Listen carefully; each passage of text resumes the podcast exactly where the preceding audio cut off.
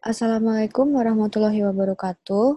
Halo, kembali lagi bersama aku, Tata dan Irfan di podcast Noema. Hai Van, apa kabarnya? Halo, uh, gimana ya? Dibilang baik, uh, nggak juga. Dibilang nggak baik juga nggak sih sebenarnya. Hmm, kenapa tuh?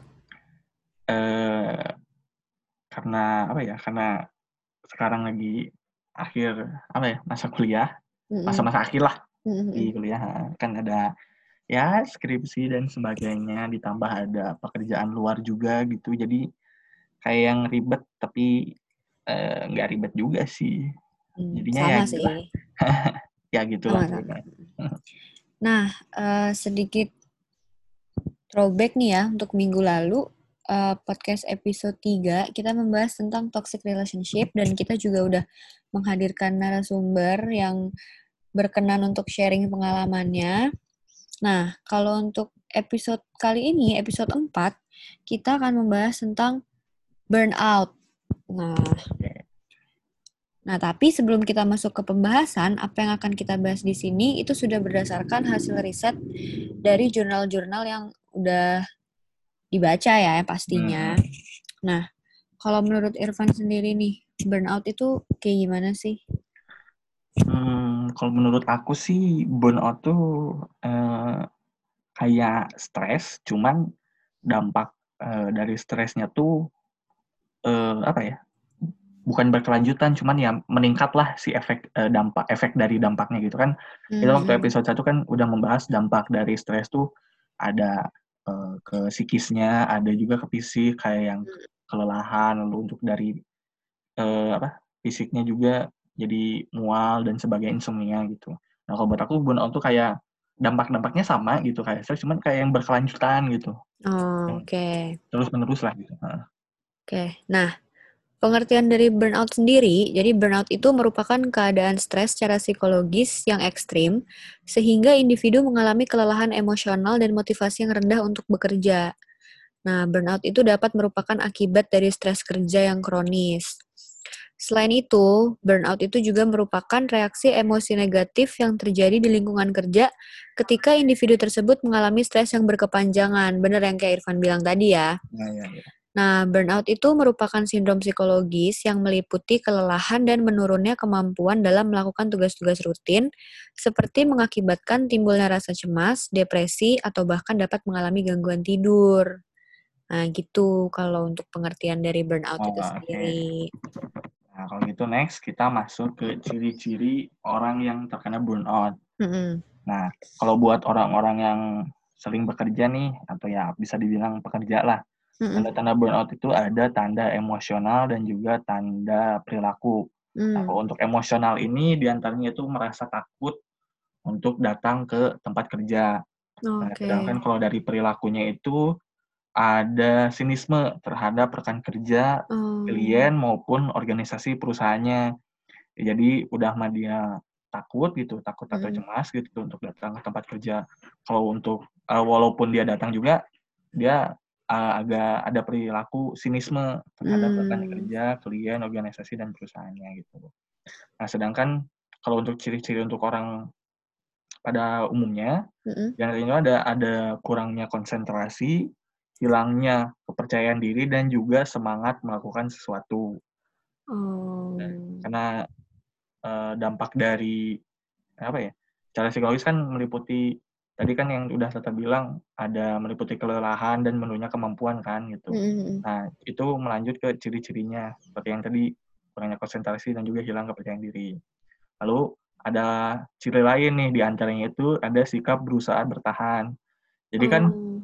sebenarnya ini mas uh, nyambung juga sih kan tadi ada yang takut masuk ke tempat kerja gitu kan mm. kalau yang pekerja ya mm. masuk ke tempat kerja uh, takut gitu nah kalau misalkan uh, terus bertahan gitu ya dengan uh, tanda emosional yang seperti itu gitu nah itu juga uh, ciri dari burnout gitu karena ingin bertahan terus padahal dengan kitanya bertahan uh, terus bertahan gitu ya berusaha bertahan itu malah semakin membebani baik itu psikis maupun uh, psikologis kita. Padahal hmm. kalau untuk melakukan sesuatu itu dibutuhkan sebuah ketertarikan dan juga rasa bahagia atau emosi positif ketika melakukan itu. Jadi kalau pekerjaannya kan kalau misalkan pekerjaannya yang kita suka gitu ya hmm. atau yang kita inginkan atau yang sesuai passion gitu kan ingin melakukannya juga senang gitu kan jadi tidak untuk sikap berusaha bertahannya pun tidak tidak apa ya bertahannya tuh karena pekerjaannya menyenangkan hmm. bukan karena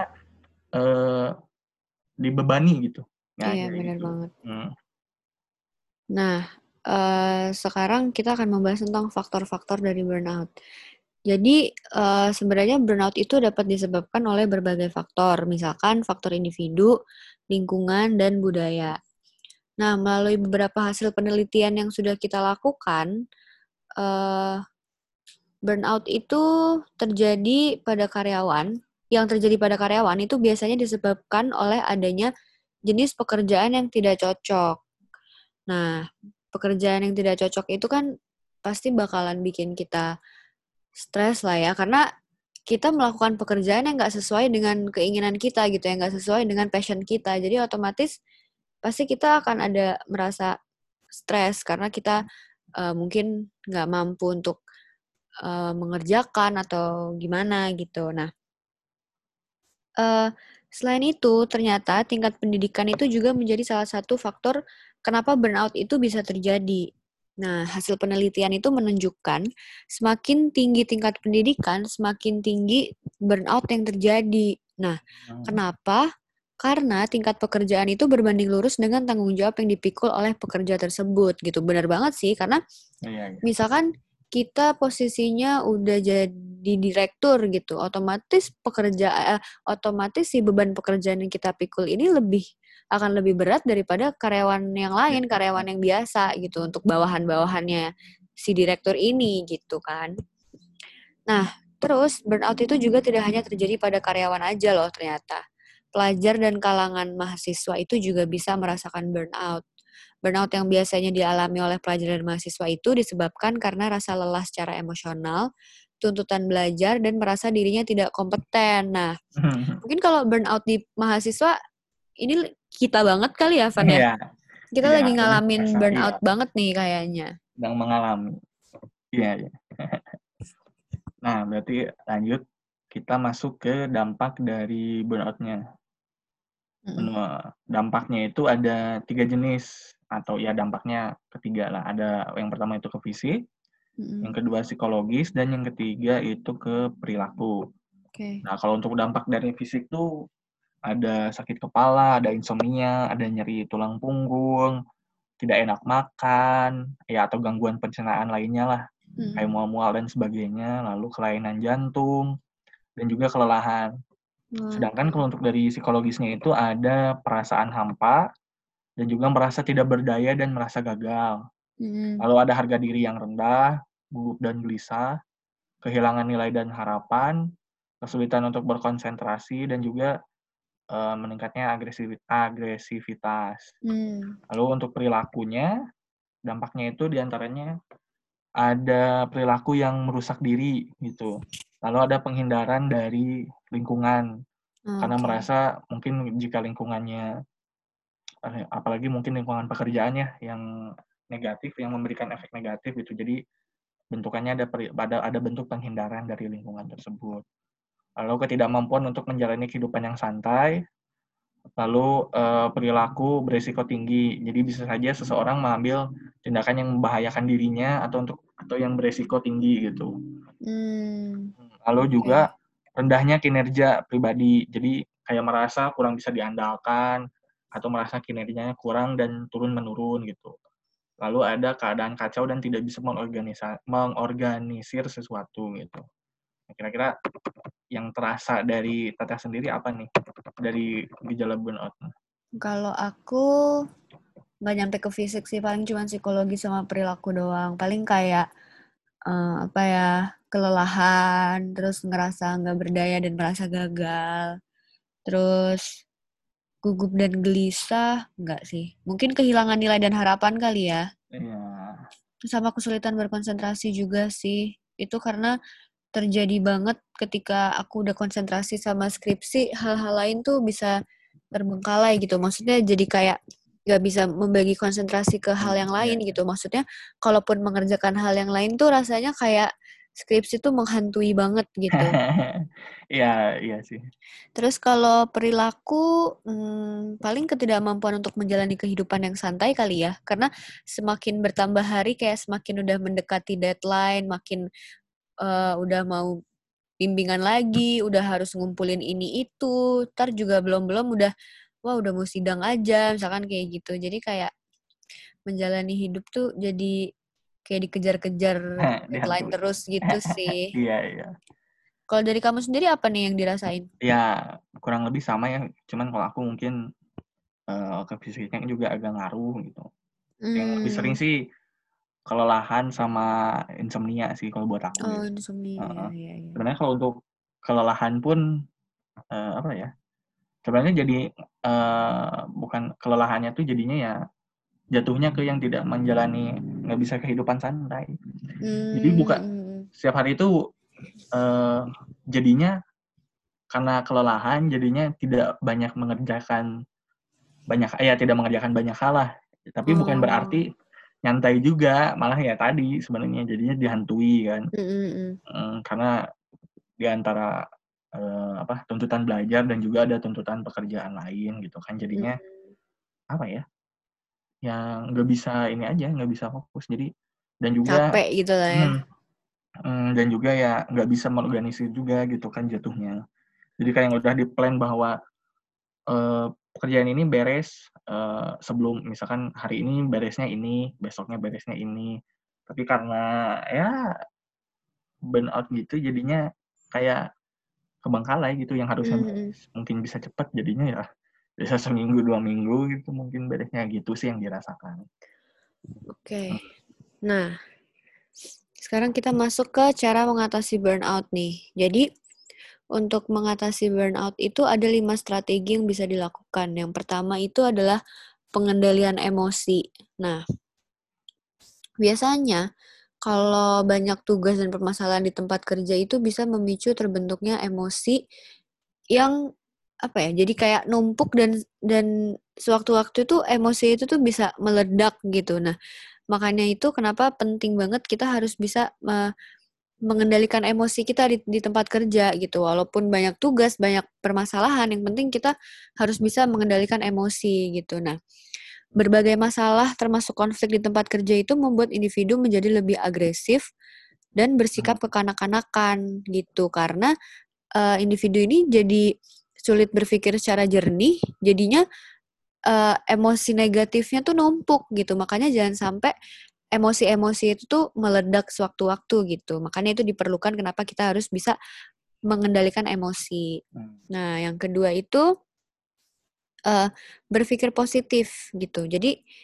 ya ya udahlah kita walaupun misalkan kita nggak nggak apa ya nggak suka sama pekerjaan kita kita harus tetap bisa berpikir positif. Karena siapa tahu apa yang kita lakuin sekarang itu bisa bisa nambah ilmu kita bisa nambah pengetahuan kita yang mungkin sewaktu-waktu kita juga nggak tahu kita butuh atau enggak gitu. Kalau ternyata kita butuh ya itu bonus aja gitu kan. Tapi yang penting kita harus tetap berpikir positif gitu tentang pekerjaan ini.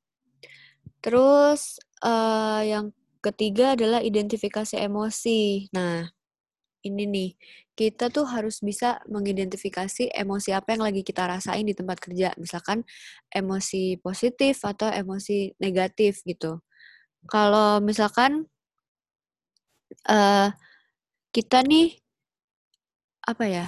Kita punya emosi yang pernah terjadi sebelumnya gitu. Mungkin ada konflik pekerjaan yang sebelumnya, terus udah udah udah udah selesai nih konfliknya, terus tiba-tiba kita uh, mengalami konflik yang lain gitu. Nah, jangan sampai emosi yang di ya, eh, emosi yang di konflik kemarin itu kebawa sampai ke emosi kita yang di konflik yang baru ini gitu. Jangan jangan sampai kayak gitu gitu. Jadi kita harus bisa mengidentifikasi emosi gitu.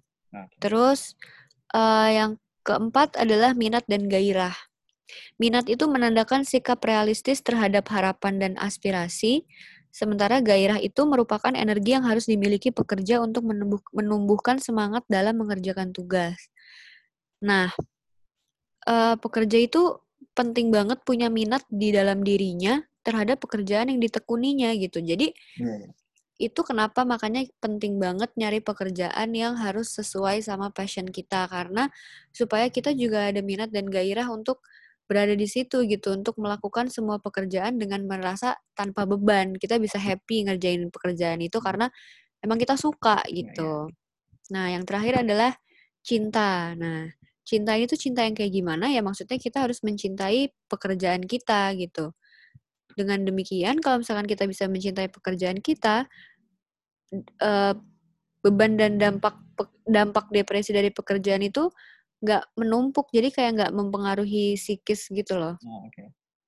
gitu. Nah kira-kira nih dari kelima cara ini kalau Irfan sendiri kira-kira mau mencoba yang mana? Uh, gimana ya?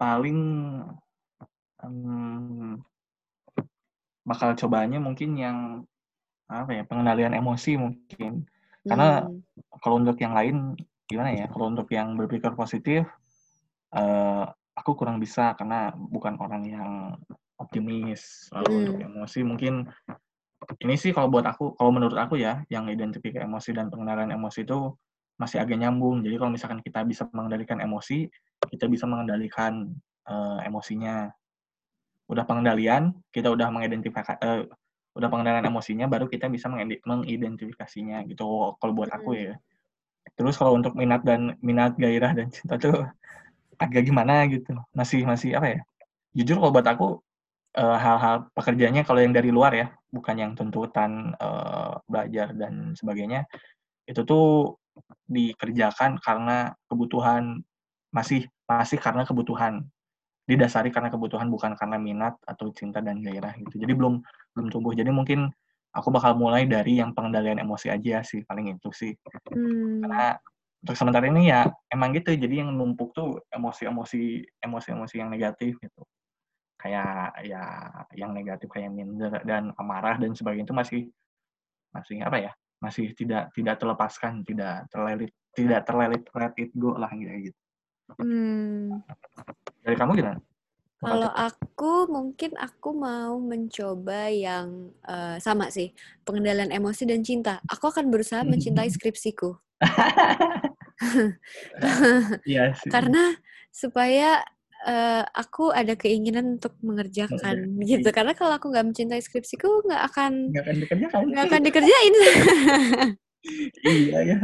Iya sih. Gitu. Kalau untuk skripsi jatuhnya gimana ya kalau aku menyambungkan skripsi dan cinta tuh agak wah sudah agak tidak terbayangkan.